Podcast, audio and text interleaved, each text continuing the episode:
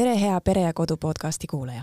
mina olen Katariina Libe ja täna me räägime koolitee alustamisest. räägime ka eelkoolist ja kooli küpsusest. ja selleks on mulle külla tulnud Maria Toom Gustav Adolfi gümnaasiumist ja Lelet Aavik-Part, kes õpetas Kuressaare gümnaasiumis, aga praegu on lapsega kodus. tere, Maria ja tere, Lelet! tere! tere!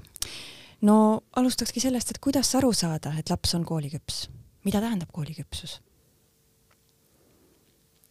No ma vastaks sellele nii, et äh, sõltub, kuidas vaadata, kas vaadata lapsevanema vaatenurgast või spetsialisti vaatenurgast, et äh, lapsevanemana kindlasti tasub jälgida seda, et äh, lihtne öelda, aga ma ei tea, kas see on arusaadav, et käib justkui lapsest mingisugune klikk läbi, et tema maailmavaade muutub, tema vestlus kindlasti muutub, ta hakkab ähm, võib-olla olema vanemale võib-olla selline võrdne partner vestluses, kes arutab ja mõtleb kaasa aga spetsialistid vaatavad natuke teistmoodi, et nemad jälgivad võib-olla tihtipeale erinevate testide ja ülesannetega ja ja noh, lasteaedades kindlasti tehakse selliseid rühmaülesandeid ka. ja mina arvan, et et tegelikult on ju aren-, lapse areng ongi nii, et kui ta saab ikkagi enam-vähem seitsmeaastaseks, et siis on loomulik, et üldiselt lapsed on kooliks valmis. et kindlasti on erandeid, on erinevad ju koolivalmiduse aspektid, et mõnel lapsel on tugevam äh, sotsiaalne valmisolek või füüsiline või vastupidi, et, äh, et selles mõttes sellist ühest nagu asja, et nii nüüd, nüüd on nii, et laps on valmis, sellist asja ma arvan, et ei ole mm. -hmm. aga võib loodust nagu usaldada selles mõttes. küllaltki jah, selline tunnetuslik teema ja. tegelikult aga kas on mingid oskused, mis peaks lapsel olema esimesse klassi astudes, kas näiteks peab oskama lugema ja kirjutada? Mina olen ise esimesi klasse võtnud kaks korda vastu või olnud esimese klassi õpetaja ja, ja tegelikult mulle õpetajana ei ole see kõige olulisem, kui laps tuleb kooli, et kas ta oskab lugeda või kas tal need õpioskused, mida me tegelikult hakkame ju esimeses klassis, millega me hakkame tegelema, et kas tal need on juba omandatud, et et mulle, ma üleüldse paneks vanematele südamele, et, et et see väike laps, kes sünnib ja käib lasteaias ja muudkui toimetab ja siis lõpuks, kui ta saab seitsmeaastaseks ja ta läheb äh, esimesel septembril kooli, et, et siis hakka, hakkab äh, ühiskonna poolt talle hästi palju nagu nõudmisi, ta peab kuskile sobima, kuskile vormi, ta peab omandama mingisuguseid oskusi, et see selline nagu pinge selle kooliga kasvab paratamatult. aga et, et ma panengi südamele, et võtke seda lasteaia, lasteaia aega nagu rahulikult, et, et ei ole see, et peab mitu aastat varem juba hakkama teadlikult valmistuma, ei tea milleks, et tegelikult me ju ei tea täpselt, milleks valmistuda, et umbes me kujutame ette, mis koolis toimub, aga nagu me rääkisime, sest iga laps on erinev, et, et kellele mis, aga kuidagi ma näen, et seda vanemate tohutut tahtmist kooliks ette valmistada last, et see nagu pigem võib lapsele just kahjulikult äh, mõjuda. et äh, võtta rahulikult, küll ta jõuab, see esimene aasta koolis on niikuinii õppekava järgi ka selline, et ta sotsiaalses mõttes kohaneb kõigega, need koostööoskused, suhtlemine, see, et ta üldse kohale jõuab, oma asjadest hoolitseb ja selline elementaarne selline nagu sisseelamise aasta pigem on esimene klass, vähemalt esimene poolaasta. et, et selles mõttes, et ei, ei tasu nagu üle muretseda, et mm. -hmm. kindlasti on väga palju võrdlemist ka, et mm, -hmm. et minu laps veel ei oska lugeda, naabrilaps sama vana juba oskab lugeda mm. -hmm.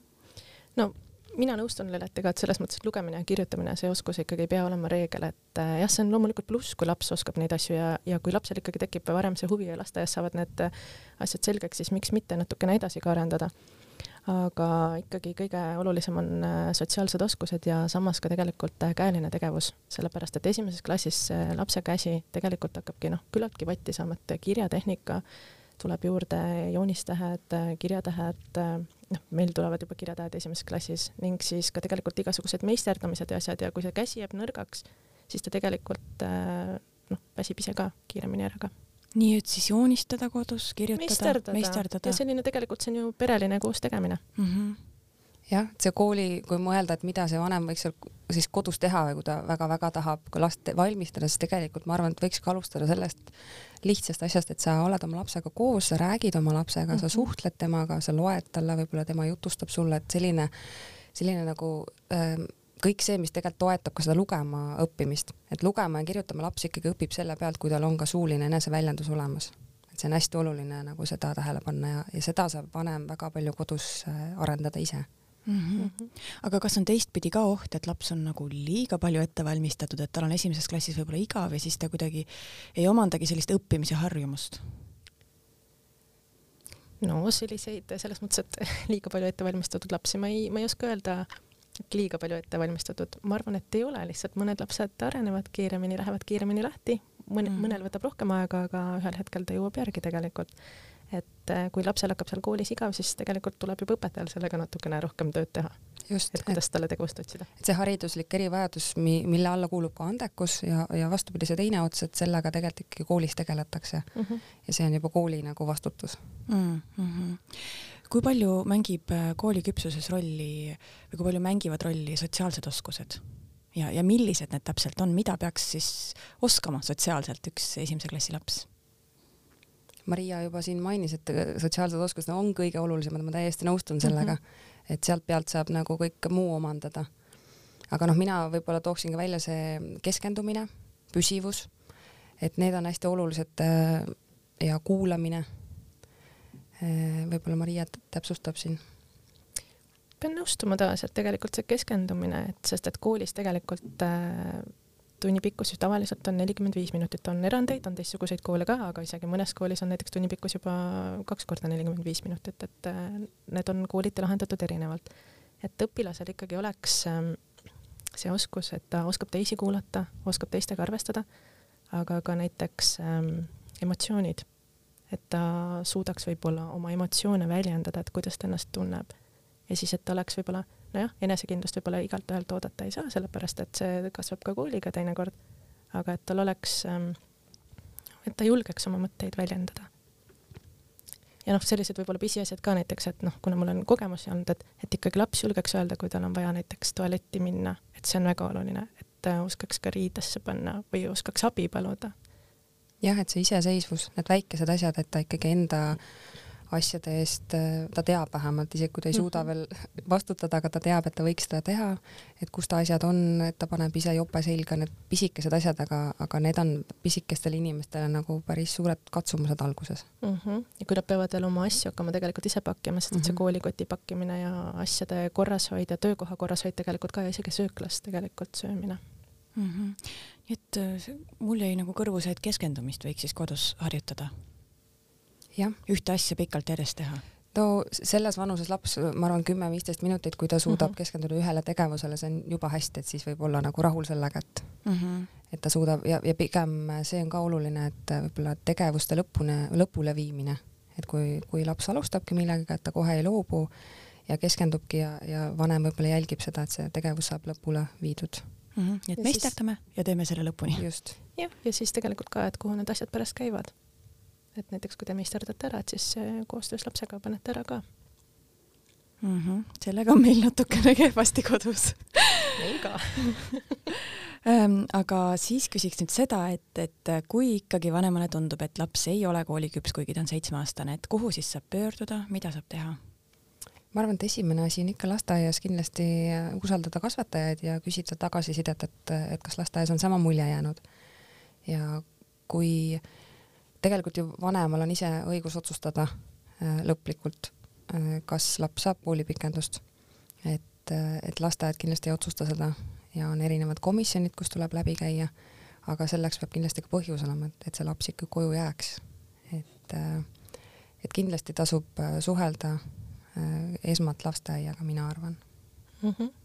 kahtlemata, et mul on endal kogemus olnud ka, et et laps lihtsalt äh, no ei olnud veel valmis kooli minema ja kuna lasteaias ka tegelikult äh, väga paljud ei läinud, siis äh, oligi aasta kauem lasteaias ja tegelikult see mõjub väga hästi. et miks mitte aastakese kauem mängumaal olla, kui see võimalus tegelikult on olemas, et et mõnikord ja vanemad pelgavad seda, aga ma olen näinud väga palju erinevaid lapsi, kellele tegelikult see mõjub hästi, nad tulevad kooli, nad on tunduvalt kooliküpsemad kui näiteks seal eelkoolis alguses ja siis neil läheb koolis ka tunduvalt paremini.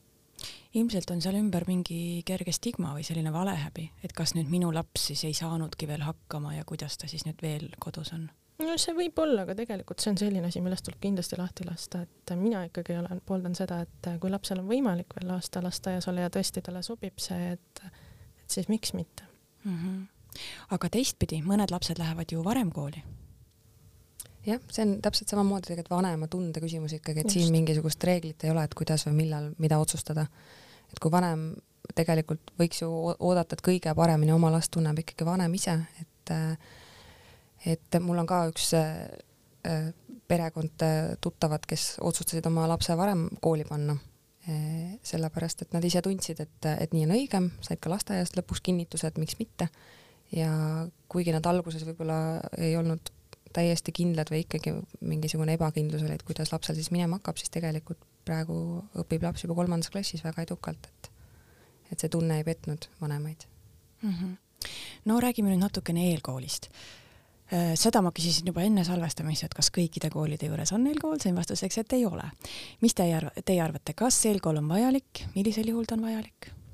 nagu enne ka rääkisime, siis äh, mina ütleks selle mõtte, et eelkool on selles mõttes vajalik, et ta on üks valik neile vanematele või peredele, kes sooviksid äh, oma last eelkooli panna ja natukene seda koolielu äh, tutvustada lapsele juba enne päris kooli algust. et see valik või see võimalus võiks kindlasti Eesti koolides olla mm. -hmm. mulle meeldib mõelda niimoodi, et eelkool on äh, selles mõttes, ta on hea võimalus ja ta on nagu kooli mängimine päris õpetajatega.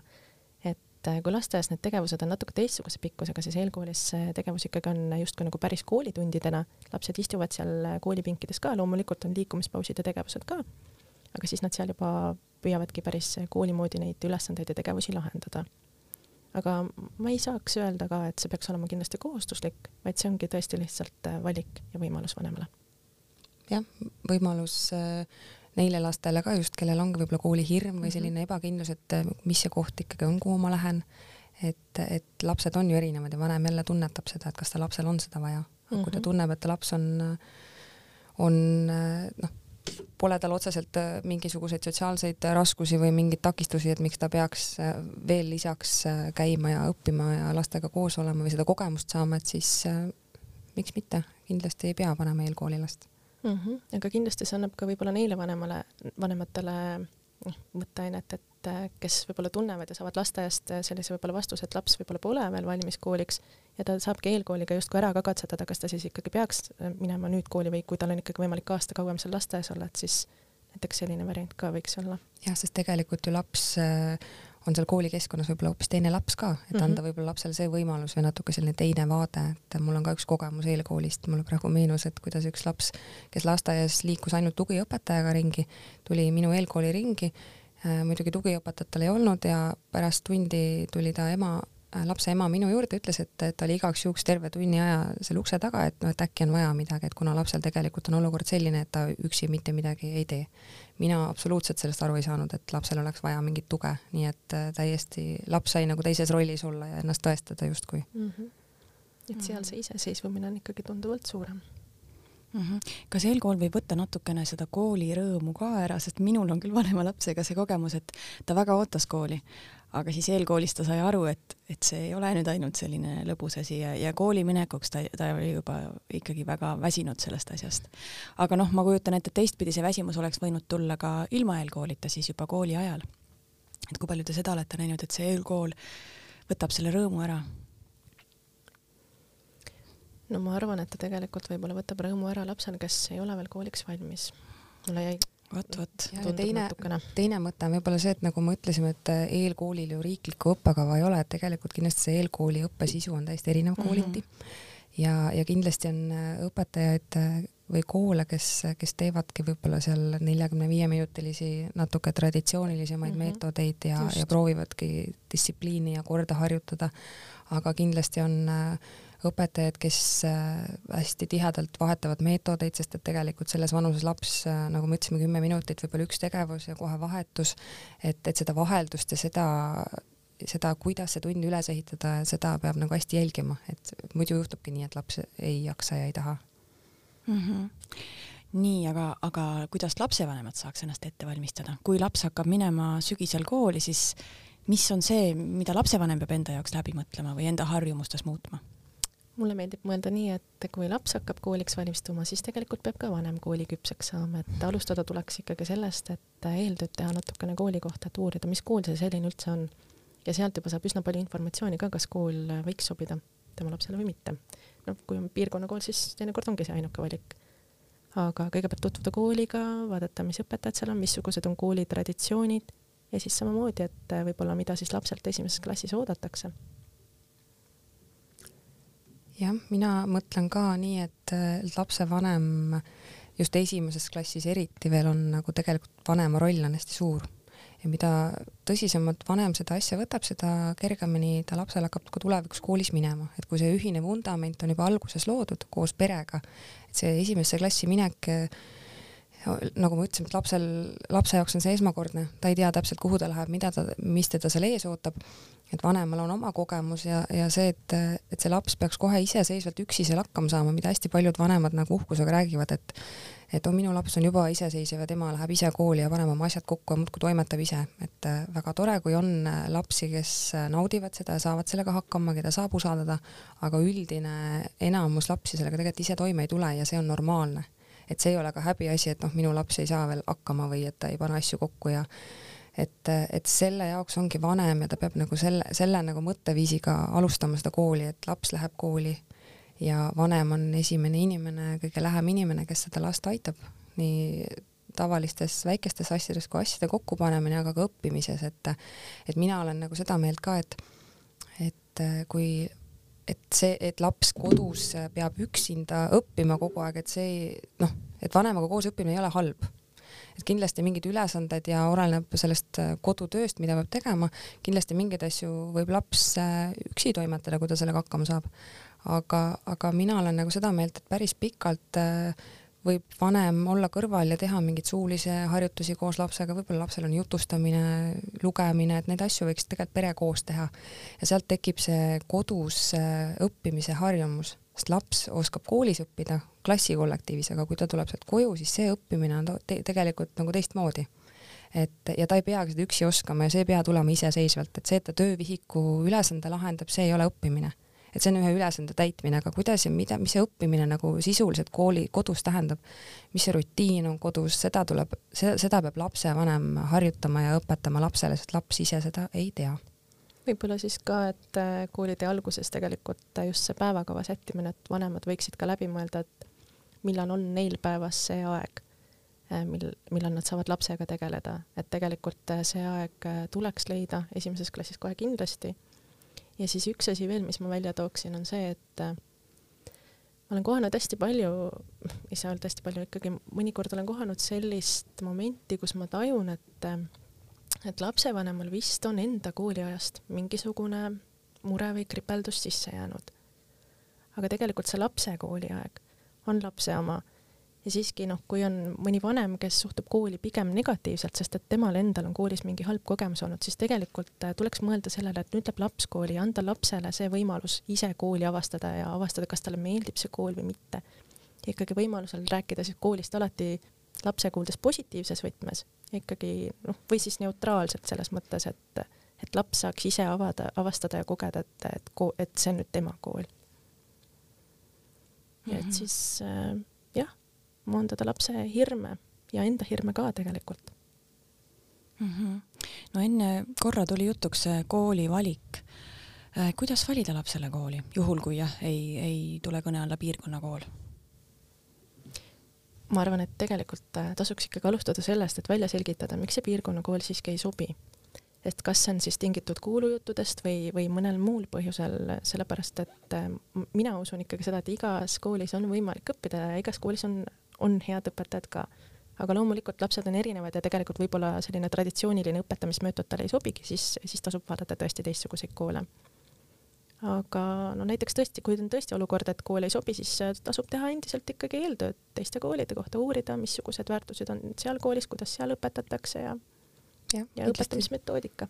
ja tuttavate võib-olla kogemused, et ega ega mm -hmm. muud, muud ei oskagi soovitada mm, -hmm. lihtsalt pigem tõesti jah, et jah, noh, selline võib-olla foorumites lappamine võib-olla natukene ekslik, et ikkagi enda sisetundele tuginedes natukene. jah, võib-olla ka see näiteks, et kui on mingi kallakuga kool või mingisuguse tugeva muusikasuunaga või mhm, spordisuunaga, et kui juba on vanemal või perel või lapsel teada, et tal on mingisugune tugevus või soov seda poolt arendada, et miks mitte selle järgi valida. Ja ka siis kindlasti logistilises mõttes ka, et, et näiteks kuhu vanemad tööle lähevad, et kas võib-olla siis töökoha lähedane kool või selline, et et kui kaua mul on plaanis ise last kooli viia tegelikult sest et kui ei ole tõenäoliselt piirkonnakool, eks ole, siis äh, tuleb ka mõelda transpordi peale ja kõige peale, et lapsel oleks turvaline koolitee, sest see on ka väga oluline kooli osa. jah, see on selle iseseisev, iseseisvuse nagu tulevik mm, -hmm. et ta saab ise toimetada ja käia lõpuks mm. -hmm. no kui räägime nüüd katsetega koolides, siis äh, katseteks valmistumine ja katsed on vist juba möödas, aga, aga kuidas see üldse käib, kas see käib ainult läbi siis selle kooli eelkooli või? Nagu me mainisime, siis tegelikult eelkool on ikkagi võimalus, et eelkool tegelikult äh, vähemalt nii palju, kui mina tean, ei taga alati seda koolikohta. jah, ta kindlasti võib-olla, kui, kui mul on plaan mingisugusesse kooli oma laps viia ja ma viin ta sinnasamasse eelkooli, siis äh, ilmselt ta võib-olla tekitab lapses rohkem seda turvatunnet, et tal on turvalisem seal ka seda katset hiljem teha. aga see ei pruugi tagada üldsegi koolikohta. et äh, ikkagi, kui on plaanis see katsetele viia, siis noh, eelkool on võimalus, aga võib-olla siis tuleb eh, ise kodus selle nimel natukene rohkem tööd teha, erinevaid ülesandeid lahendada ja erinevaid võib-olla harjutusi lapsega läbi teha. kas olete näinud seda ka, et, et see katsetel käimine võib-olla traumeerib last, et, et kui ta siis võib-olla mitme kooli katsetel käib, sinna ei saa, läheb piirkonnakooli, et siis justkui ta läheb sinna juba nagu eos kuidagi kaotajana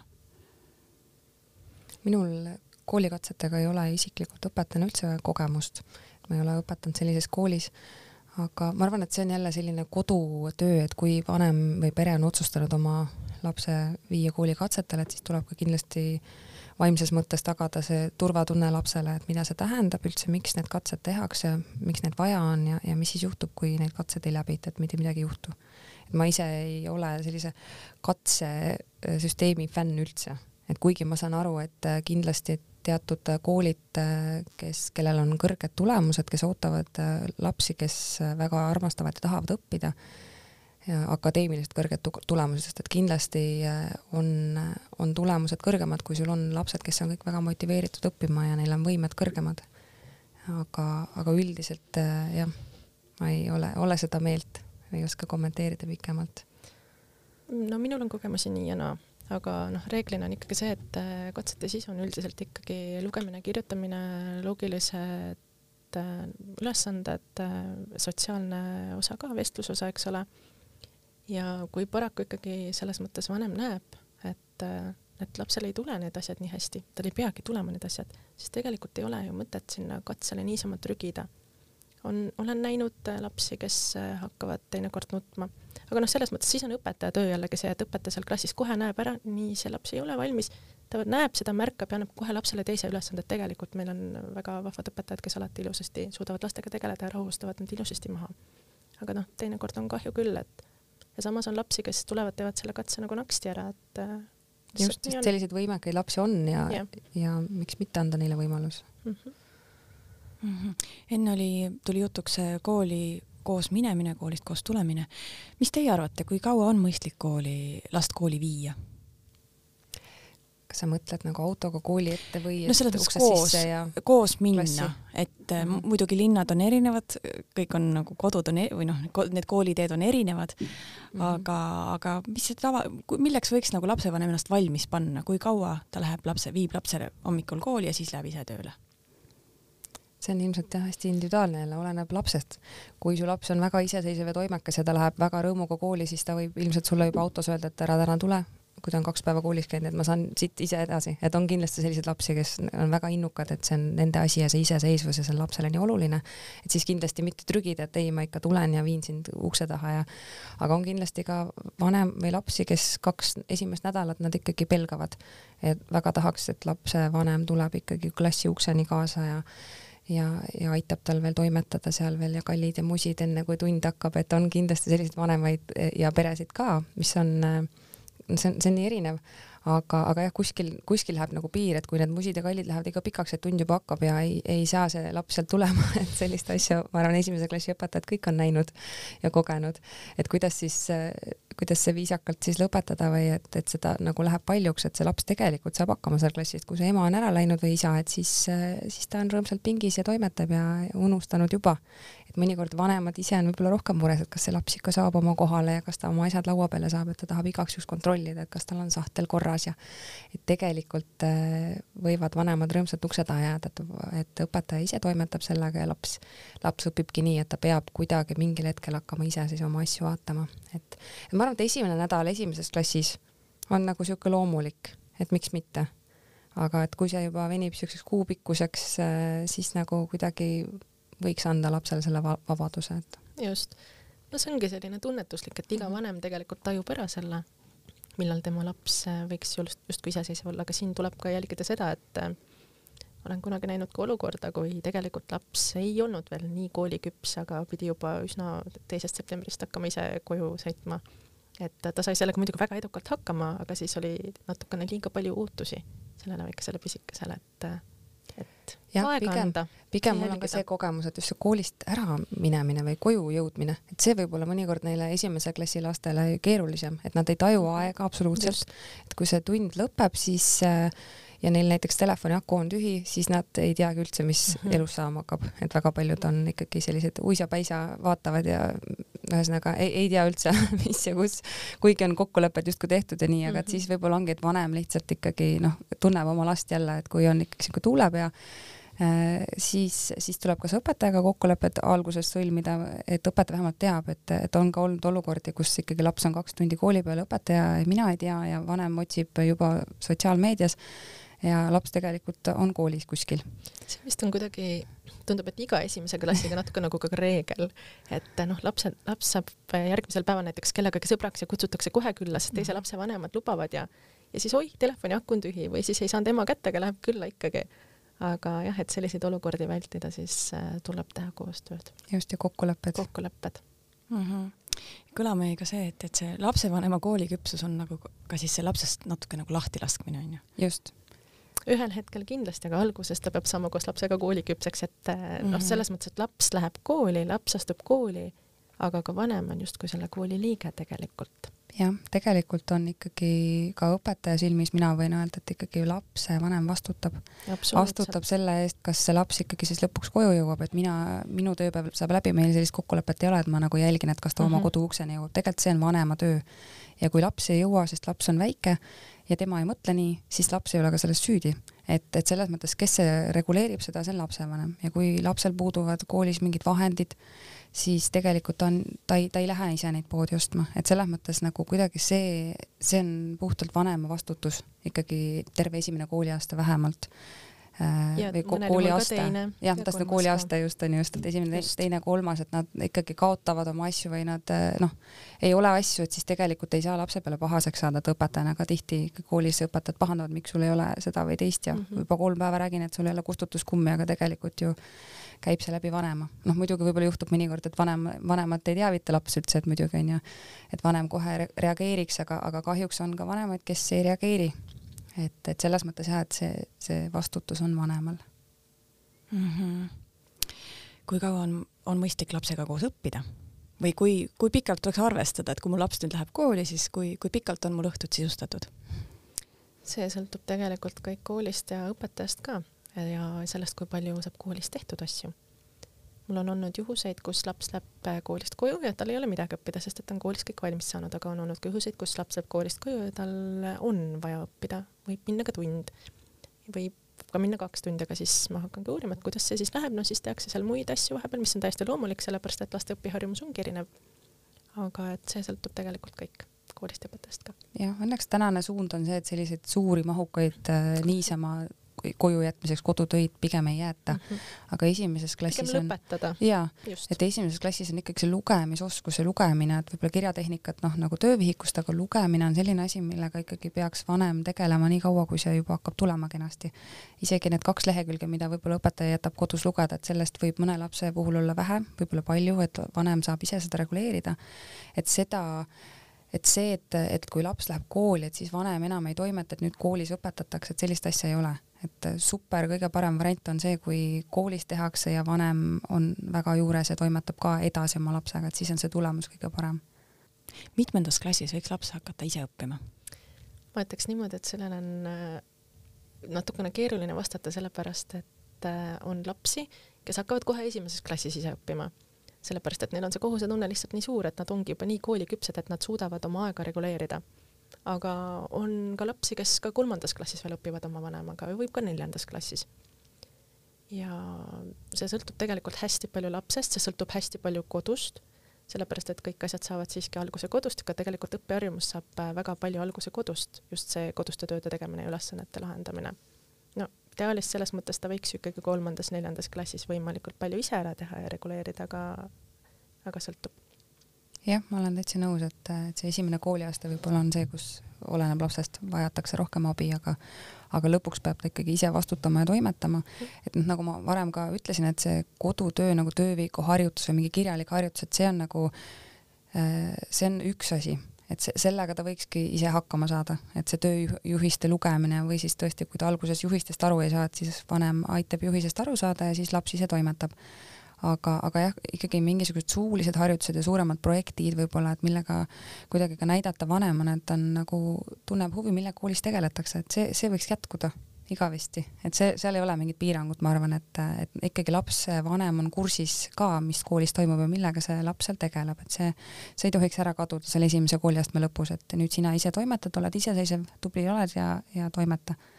aga kuidagi ma arvan, et lapse jaoks on ka oluline see, et vanem tunneb huvi ja, ja, ja koolis õpetaja tegemine. näeb tegelikult seda hästi palju, kus peredes tuntakse huvi, et see paistab välja mm. -hmm. Mm -hmm. kuidas toetada last äh, psühholoogiliselt koolitee alguses? Lapse jaoks tuleb olemas olla. lapse jaoks tuleb olemas olla nii mures kui rõõmus, tuleb olemas olla ja temaga vestelda, küsida, mis muret tekitab või isegi rõõmudest kõigest rääkida. ja siis samamoodi tuleb ka lapsevanem võiks äh, kontaktis olla õpetajaga, et kui mure on ikkagi liiga suur, et siis kindlasti julgeks õpetaja poole pöörduda. Lapsega tuleb tegeleda, samamoodi tegelikult see koduste tööde tegemine õppimine ka, et see on ka tegelikult koosolemise aeg lapsega, et, et lapsel on siis ka turvaline olla. et mina ütleks, et äh, tuleb olemas olla. jah, et äh, ma arvan, et see hakkab juba palju varem psühholoogilises mõttes, et, et see lapsevanema ja lapse side on juba loodud selliseks, et laps saab oma vanemat usaldada. et kindlasti sellised sõnad või mõtted, et äh, et, et sa oled nüüd koolilaps ja nüüd sa enam ei jonni või nüüd sa pead oskama ja sa oled õppinud seda juba mitu kuud, seda, kuidas sa ei oska, et noh, selline suhtumine kindlasti last ei aita ja pigem tekitab seda hirmu ja sellist ebakindlust veel rohkem. et, et isegi kui vanem, paratamatult me kõik oleme inimesed, mõnikord kodus saab, saab pahaseks, kui mingi asi välja ei tule, et siis isegi kui need sõnad tulevad üle huulte, siis võib ju alati vabandada oma lapse ees, et tõesti, et et ma ütlesin midagi, mida ma tegelikult ei mõelnud ja sa oled väga tubli, et sa üldse oled juba kooli jõudnud ja, ja pigem nagu võib-olla sellele vahepeal keskenduda, aga mida mida ta juba oskab, see laps mm. -hmm ja siis kindlasti, kui, kui vanem kogemata isegi nähvab, eks ole, siis tegelikult võiks ka põhjendada, et noh, et tegelikult mis põhjusel selline reaktsioon tuli, et laps saaks aru, et asi polegi võib-olla tema koolitöös, et võib-olla on vanemal mingisugune kiire hetk ja lihtsalt korraks läks natuke endast välja mm. -hmm. kui ikkagi tundub, et see kooli sisseelamine ei lähe väga hästi, et lapsel on stress või miski tekitab pingeid või muret, siis kelle poole saab koolis pöörduda? esialgu kindlasti kohe klassijuhataja poole. ja siis äh, klassijuhatajaga koostöös juba võib-olla siis vestluseid kokku leppida ja koos lapsega rääkida, et võib-olla klassijuhataja räägib lapsega, võib-olla siis vanematega.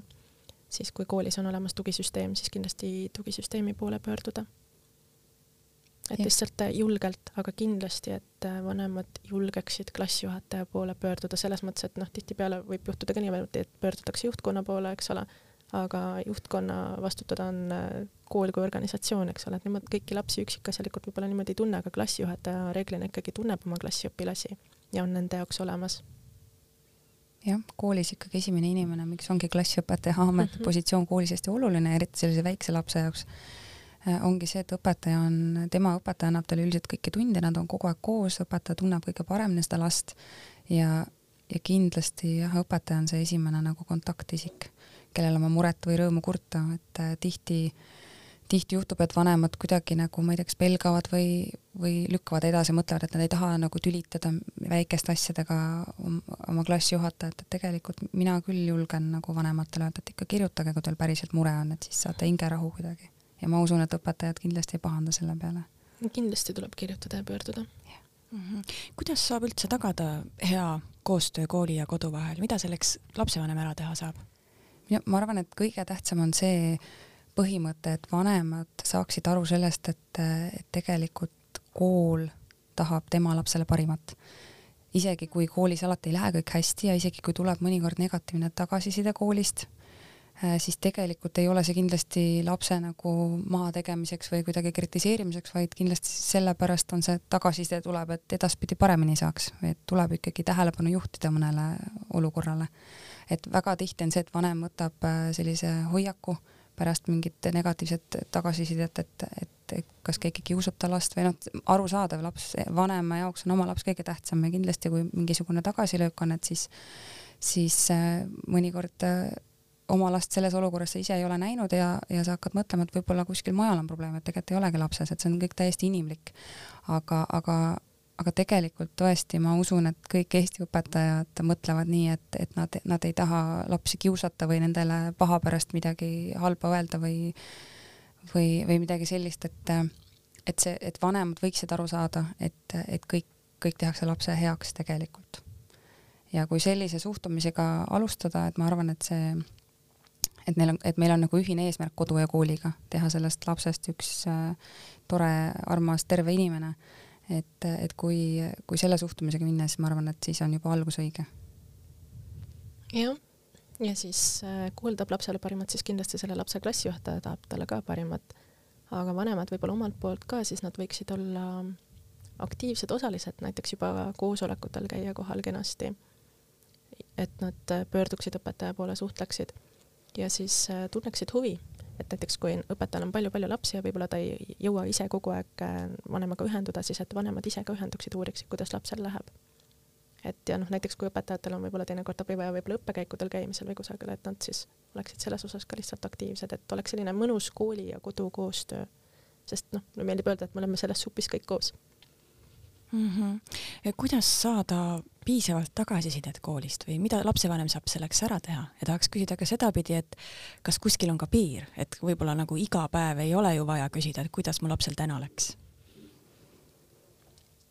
ma arvan, et äh, oleneb ju koolides see tagasiside nagu hinnangute või hinnete näol on äh, vähemalt kaks korda aastas kindlasti mm -hmm. poolaasta hinded või hinnangud või tulemused, õpitulemused esitatakse, kas siis läbi äh, e-kooli või stuudiumi või siis paberkandjal.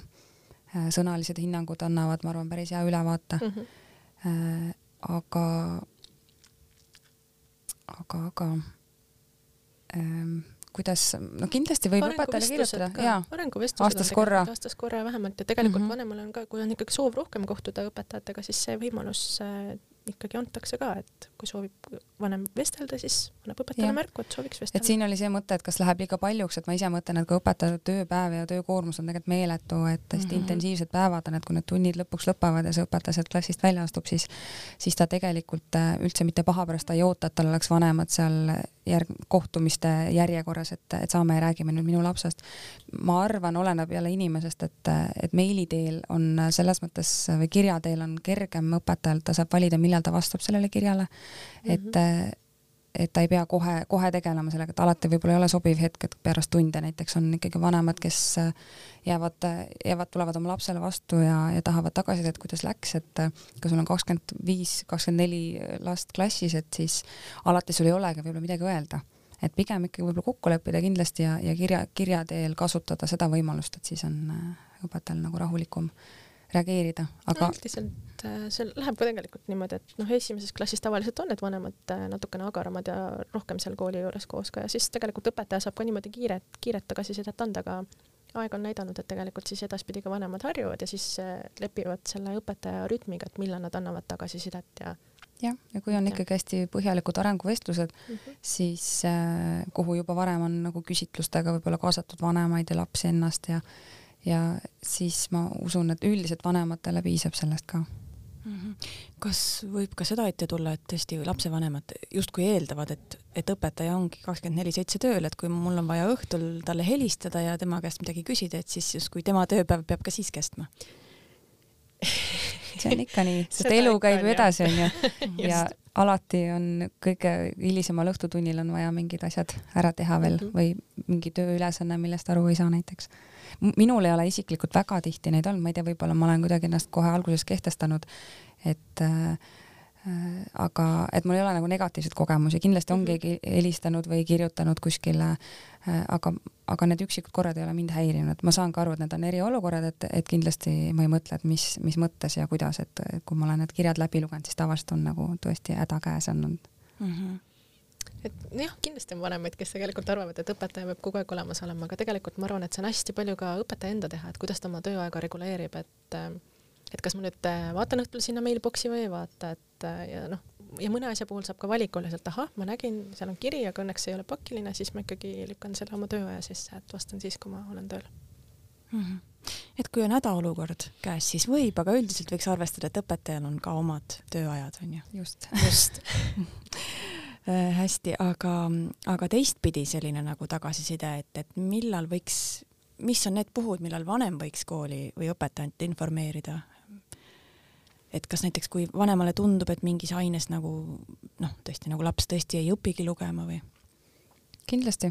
siis tulebki kindlasti informeerida ja, ja võimalikult esimesel juhul, et kui ikkagi tundub, et üldse ei lähe, siis tulebki võimalikult ruttu, et hiljem selliseid äh, krahhe ja pigem ongi, ma mõtlen ka äh, vanemate peale, et sellist infot vanemad pigem nagu mõtlevadki, et ma ei hakka veel nagu mm -hmm. kirjutama, et võib-olla kui mingid suhteprobleemid või mingid sellised olukorrad sotsiaalses mõttes, siis äh, vanemad kirjutavad või suhtlevad kooliga nagu kohe, koheselt, mulle tundub. aga sellised nagu õpi, noh, kuna lapsevanem ei pea ennast ilmselt ka spetsialistiks, et ta ei ole päris kindel, et kas see on nüüd õige või ei ole, mis seal toimub, kui midagi toimub sellist, mis, mis ei, ei sobi näiteks, et siis äh, tegelikult täitsa julgustada mõnikord vanemaid kirjutama või sekkumagi, et et, et miks ja küsi-, küsima täitsa julgelt, et ma usun, et koolil ei ole midagi varjata ja õpetajatel, et miks midagi kuskil toimub. ja, ja et... näiteks kui tahab vanem ise last kodus toetada kuidagi, siis alati võib ju õpetaja käest ka nõu küsida, et kuidas ma saaksin paremini toetada teda, mida teha, et kuidas aidata. just, või, või ongi super tubli lugeja laps, et millised mm -hmm. raamatud ma võiks valida ja selliseid küsimusi nagu võib alati õpetajalt küsida. muidugi mm. -hmm aga siis ühesõnaga kaks korda aastas on alati need ähm, arenguvestlused ja kui aastas, kord aastas ja kui vahepeal õpetaja ühendust ei võta, endal tundub ka, et on kõik korras, siis võib usaldada seda sisetunnet või?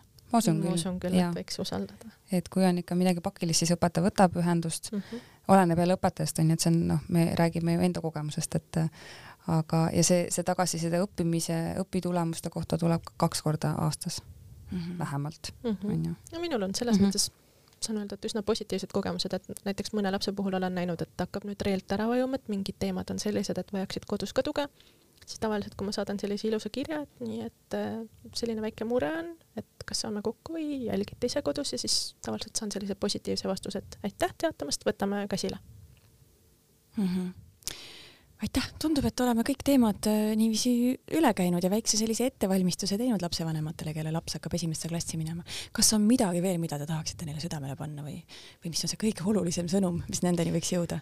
mina juba ütlesin seda, aga ikkagi veel tahaksin lõppu siia lisada, et ärge siis üle muretsege, ärge oma lapsele, väikesele, sellele väikesele inimesele, kes nüüd peab kaksteist aastat loodetavasti või üheksa käima järjest koolis, et küll ta jõuab, et võtke rahulikult.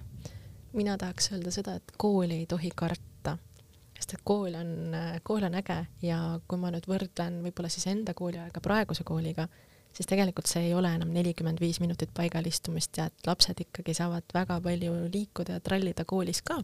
et seda tuleb võtta positiivselt, et ma leian, et kui vanemal on kooli suhtes selline positiivne hoiak, siis tegelikult väga paljud vanema emotsioonid kanduvad ka ju lapsele üle. et tegelikult kool on vahva koht mm. -hmm. hommikul lapsele, et jess, kooli no näiteks alguses võib see kindlasti kasuks olla, hiljem võib-olla suuremal lapsel natuke hakkab tundub natuke võlts tundub jah. hea küll. aga miks mitte aitäh, Maria, aitäh, Lelet, aitäh, et tulite ja valgustasite lapsevanemaid. aitäh, armas kuulaja, et meid ära kuulasid, loodan, et said midagi asjalikku kõrva taha panna. ja järgmine saade on meil nagu ikka üleval nädala pärast